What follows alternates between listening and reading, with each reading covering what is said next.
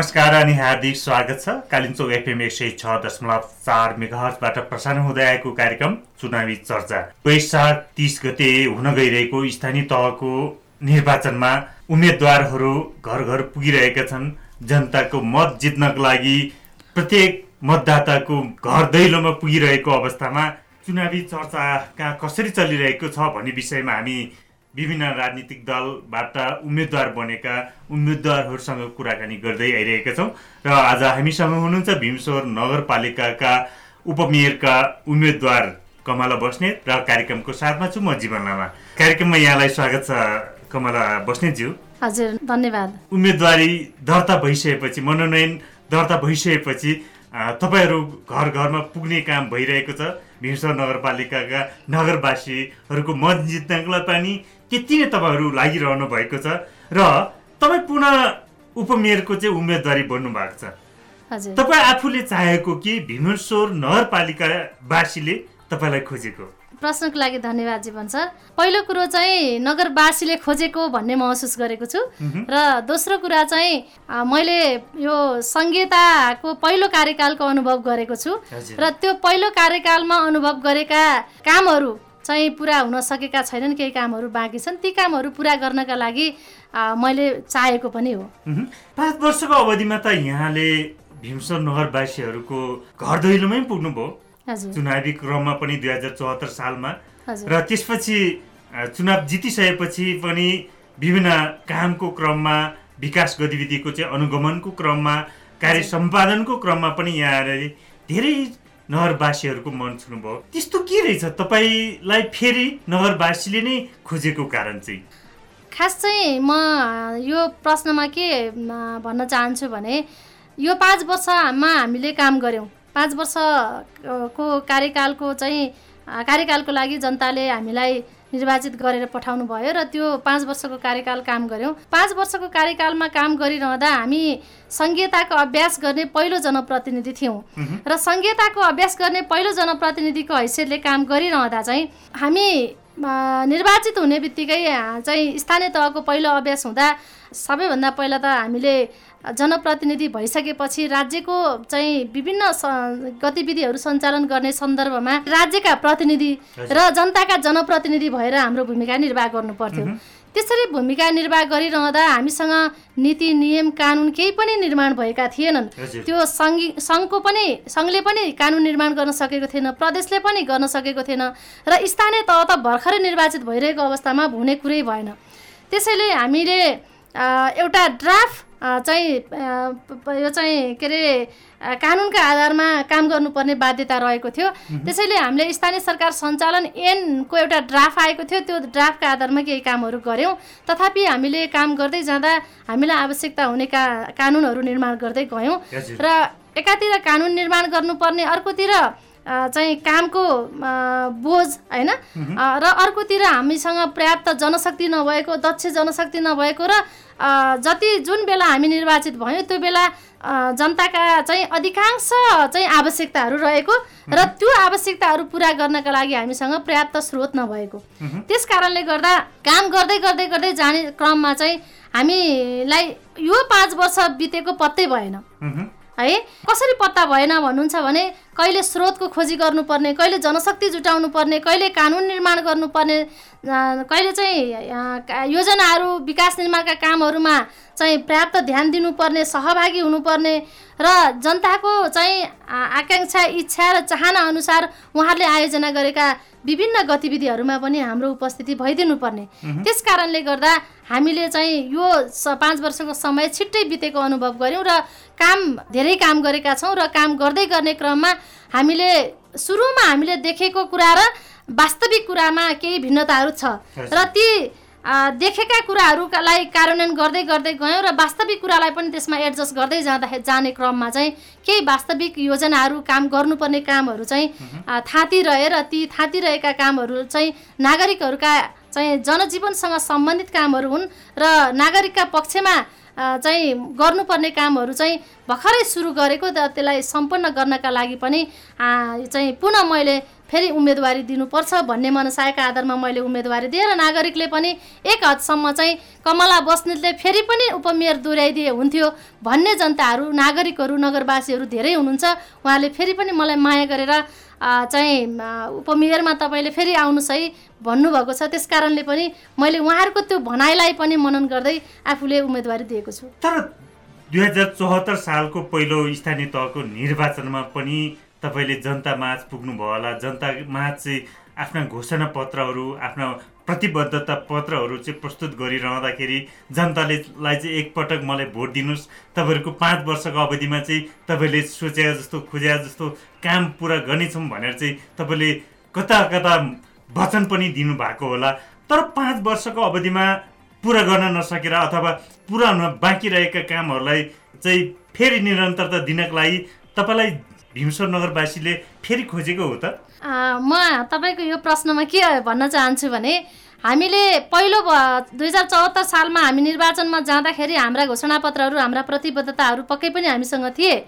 ती प्रतिबद्धता पत्रलाई हामीले प्रत्येक आर्थिक वर्षको चाहिँ यो योजना तर्जुमाको सन्दर्भमा हाम्रो चाहिँ प्रतिबद्धता पत्रमा उल्लेख गरेका कुराहरू कति पुरा भए कति हुन बाँकी छन् भनेर त्यसको हामीले अध्ययन गरेका छौँ विश्लेषण गरेका छौँ र हाम्रा चाहिँ समीक्षा पनि गरेका छौँ। कतिको सन्तुष्टि हुनुहुन्छ कि यति प्रतिशत चाहिँ मैले पुरा गरेँ है? जनताको मनोकाङ्क्षा अथवा जनताको भावना अनुरूप केही काम गरेँ है? भनेर चाहिँ कति प्रतिशत चाहिँ तपाईँ सन्तुष्ट हामीले चाहिँ त्यति बेला गरेको प्रतिबद्धताका आधारमा चाहिँ म नाइन्टी पर्सेन्ट चाहिँ सन्तुष्ट छु। तर नाइन्टी पर्सेन्ट तपाईँ सन्तुष्टि हुनुहुन्छ पक्कै पनि नाइन्टी पर्सेन्ट तपाईँ सन्तुष्टि भइरहँदाखेरि केही न केही उपलब्धिहरू केही न केही कामहरू केही न केही रिजल्ट त देखा परेको होला नि।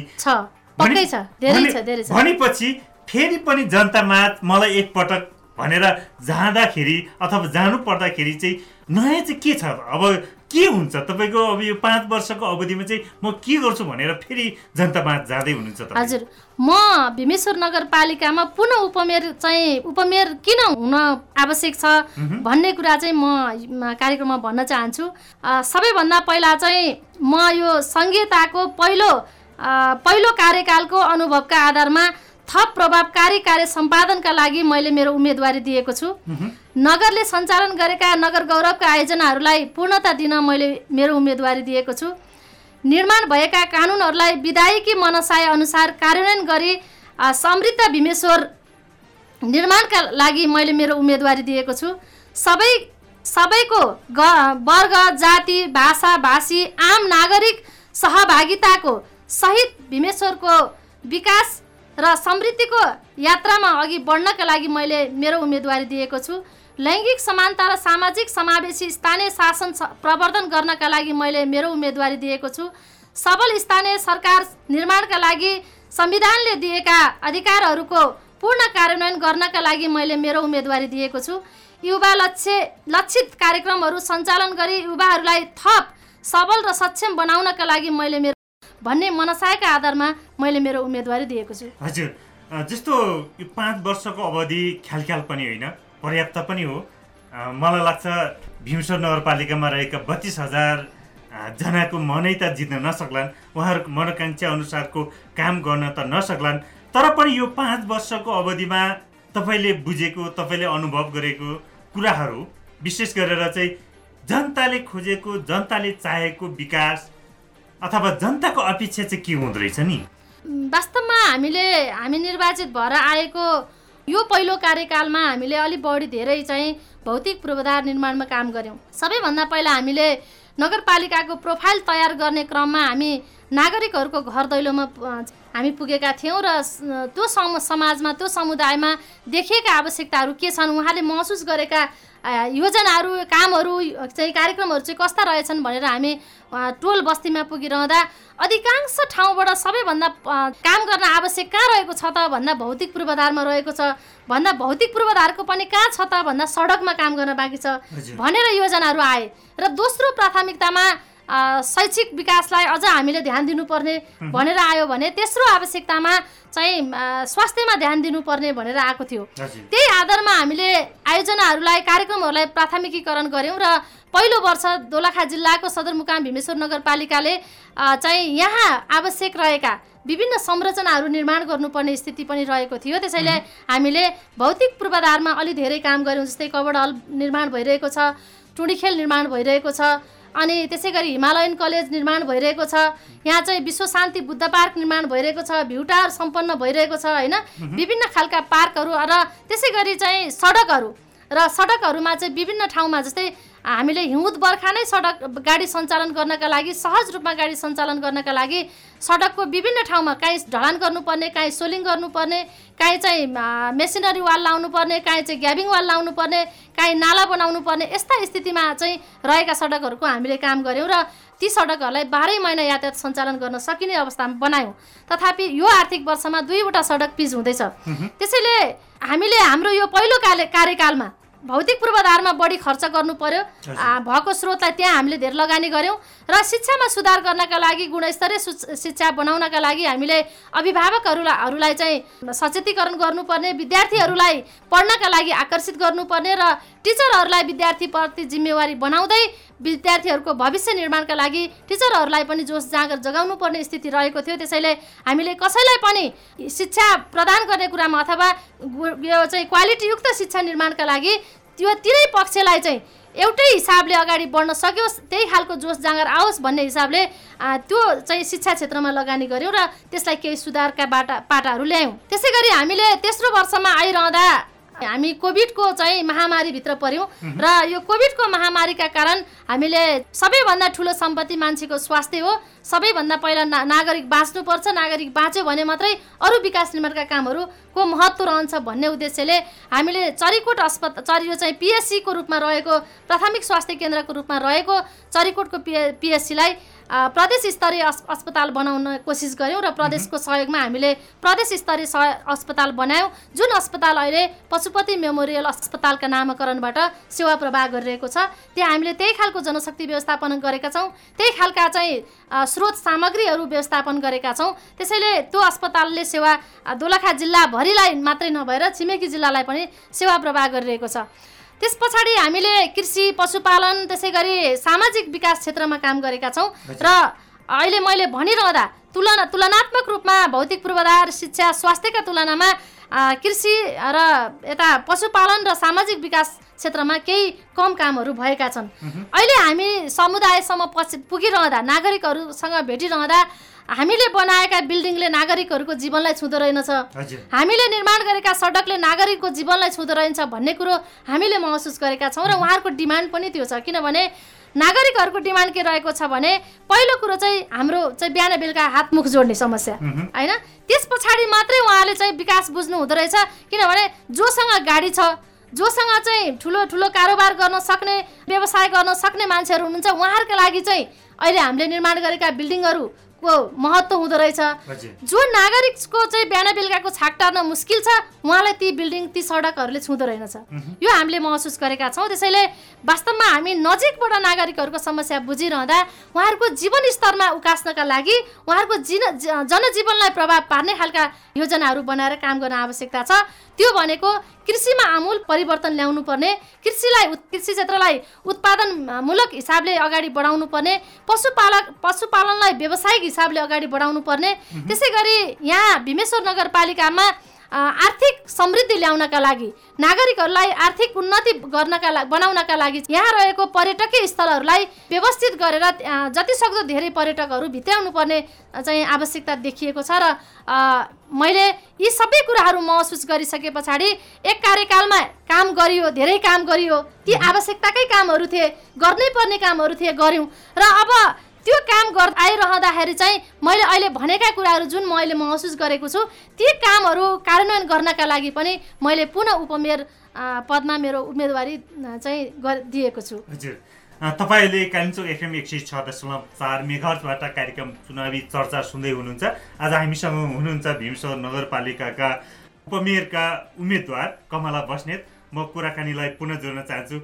जस्तो कमल बस्नेतज्यू तपाईँ भीमेश्वर नगरपालिकाको वडा नम्बर एकदेखि नौसम्म विभिन्न क्रममा जस्तो अब कहिले विकास निर्माणको क्रममा अथवा कहिले अनुगमनको क्रममा र कहिलेकाहीँ जनतासँग पनि भेटघाटको क्रममा पुग्नु भएको छ। साँच्ची नै भन्नु पर्दाखेरि भीमेश्वर नगरपालिकाको विकासको लागि कस्ता खालका सम्भावनाहरू चाहिँ तपाईँले निहाल्नुभयो नि यो पाँच वर्षको तपाईँकै अनुभव यदि बताउनु पर्दा? हजुर। मैले फेरि पनि त्यही कुरा दोहोऱ्याउनु पर्ने हुन्छ। खास गरी विकास विकास निर्माणमा देखिएका सम्भावनाहरू चाहिँ मैले भने कृषिलाई आधुनिकीकरण गर्नुपर्छ पर्दाखेरि जस्तो अब तपाईँहरू कुनै ठाउँमा पुग्नुहुन्छ कृषिको चाहिँ सम्भावना देख्नुहुन्छ कुनै ठाउँमा पुग्नुहुन्छ त्यहाँ सडकको आवश्यकता देख्नुहुन्छ कुनै ठाउँमा खानेपानीको आवश्यकता देख्नुहुन्छ होला यी सबै कामहरू सबै विकासहरू त निरन्तर रूपमा भइरहने नै हो। तर समग्र रूपमा भीमसर नगरपालिकामा चाहिँ आहा भनेर देखाउने अथवा त्यस्तो गर्व लायकका विकास अथवा बाह्य जिल्लाबाट बाह्य बाह्य ठाउँबाट पनि भीमसर नगरपालिकामा चाहिँ यो विकास हेर्न जाउँ न यो काम हेर्न जाउँ न त भन्ने वातावरण चाहिँ के हुनसक्छ त? हजुर हामीले चाहिँ यो पहिलो कार्यकालमा केही विकास निर्माणका खाकाहरू कोरेका छौँ। ती विकास निर्माणका खाकाहरू भनेको चाहिँ यहाँका चाहिँ विभिन्न चाहिँ पर्यटकीय स्थलहरूलाई पर्यटकीय गन्तव्यका रूपमा विकास गर्ने त्यसै गरी विभिन्न खालका चाहिँ चाहिँ कामहरू गरेका छौँ जस्तै यो चाहिँ विश्व शान्ति बुद्ध पार्क। त्यसै गरी हामीले निर्माण गरिरहेका चाहिँ यो मयूर पार्क साइन्स पार्क लगायतका चाहिँ योजनाहरू छन्। ती योजनाहरूमा हामीले काम सुरु गरेका छौँ र ती योजनाहरूमा हामीले काम गरिरहँदा काम सम्पन्न गरिरहँदा मलाई लाग्छ त्यो एउटा अध्ययन गर्ने थलो बन्छ। र त्यो अध्ययन गर्नका लागि हामीले अहिले चाहिँ फोहोर व्यवस्थापनको लागि नेपाल अधिराज्यभर कहाँ हो त हेर्न लायक ठाउँ भन्दा स्याङ्जाको वालिङ नगरपालिका भन्ने बुझिन्छ भने भोलि चाहिँ दोलखाको भीमेश्वर नगरपालिकामा त्यहाँ चाहिँ साइन्स पार्क चाहिँ स्थापना भएको छ अरे। साइन्स पार्कको विकास भएको छ अरे। साइन्स पार्कको अवधारणा के रहेछ? के रहेछ साइन्स पार्क भनेको भनेर चाहिँ नेपाल अधिराज्यभरका र विश्वभरका मान्छेहरू चाहिँ एउटा अध्ययनको लागि पनि त्यहाँ आउन सक्ने वातावरण बन्छ। त्यसै गरी हामीले अहिले दोलखा जिल्लामा ढल विकासको योजनाहरू सञ्चालन भइरहेका छन्। त्यो ढल विकासको योजनालाई अलिक व्यवस्थित गऱ्यौँ भने हामीले ढलबाट जति पानी आउँछ त्यो पानीलाई चाहिँ फेरि पिउन योग्य पानी बनाउन सक्छौँ। र त्यो पिउन योग्य पानी कसरी बन्दो रहेछ भन्ने कुरा चाहिँ आम नागरिकको चासोको विषय र राष्ट्रिय अथवा अन्तर्राष्ट्रिय स्तरमा चासोको विषय बन्न सक्ने स्थिति रहन्छ। त्यसै गरी अहिले हामीले एक घर एक धाराको अवधारणाका आधारमा काम गरिरहेका छौँ। त्यसमा चाहिँ नागरिकहरूले लगानी गर्नुभएको छ र मासिक रूपमा उहाँहरू पेमेन्ट गर्नुहुन्छ। होइन आफूले प्रयोग गरेको आधारमा पैसा पेमेन्ट गर्नुहुन्छ। र त्यो पैसा पेमेन्ट गर्ने प्रक्रिया कस्तो रहेछ? भनेर हेर्न आउने मतलब कसरी नागरिकले पानी कसरी युज गर्नु हुँदो रहेछ कति युज गर्नु हुँदो रहेछ अनि त्यसमा नागरिकहरूले चाहिँ पैसा पेमेन्ट गर्दाखेरि सन्तुष्ट हुनुहुन्छ कि हुनुहुन्न? त्यो सन्तुष्टि हुनका लागि यहाँको चाहिँ भीमेश्वर नगरपालिकाले गरेका अभ्यासहरू के के रहेछन्? र वास्तवमा अहिलेको यो जुन प्रोसेस जुन प्रक्रियाहरू छ यो प्रक्रिया आफैमा नागरिकमुखी छ कि छैन भन्ने कुरा चाहिँ एउटा अध्ययनको विषय बन्न सक्छ। तपाईँले यसरी भनिरहँदाखेरि हिजोको दिनदेखि नै नगरपालिकाप्रति अथवा जनप्रतिनिधिहरूप्रति चरिकोटवासीको भनौँ अथवा बजारवासीहरूको एउटा मात्रै अपेक्षा उहाँहरूको एउटा मात्रै गुनासो चाहिँ बजार व्यवस्थापन गर्न सकेका छैन छारो धुलोहरू चाहिँ हटाउन सकेका छैन भनेर चाहिँ उहाँहरूले गुनासो गरिरहँदाखेरि तपाईँ आफूलाई चाहिँ के लाग्छ? यो कुरामा म केही हदसम्म सहमत छु। किनभने बजार व्यवस्थापन गर्नै नखोजेको भीमेश्वर नगरपालिका र हाम्रो नेतृत्वले होइन। हामीले अभ्यास गऱ्यौँ। एउटा योजना बनाएर केही अभ्यास गऱ्यौँ नागरिकलाई सचेत गरायौँ टोल सुधार समितिहरू बनायौँ टोल विकास समूहहरू बनायौँ र ती अभ्यासहरू गऱ्यौँ र हामीले काम गर्दै जाने क्रममा चाहिँ नागरिकहरूले त्यति सन्तुष्ट भएको महसुस गरेनौँ। किन महसुस गरेनौँ भन्दा यहाँका नागरिकहरूले आफ्नो हिसाबले आफ्नो आफूलाई सहज रूपले चाहिँ व्यापार व्यवसायहरू गर्दै आउनुभएको आफ्ना घरहरू निर्माण गरिरहेको आफ्नो चाहिँ बाटा भनेको चाहिँ पेटीहरू चाहिँ त्यही हिसाबले चाहिँ व्यवस्थापन गर्दै आएको मतलब युज गर्दै आउनुभएको होइन। यो अवस्थामा हामीले त्यसलाई अलिक व्यवस्थित गरौँ सडक पेटी बनाऊ नागरिकलाई सडक पेटीबाट हिँड्ने हिँड्ने चाहिँ बानी बसालौँ सडकमा छताछुल्ल नागरिक हिँड्ने बानीलाई बिस्तारै बिस्तारै कम गरौँ।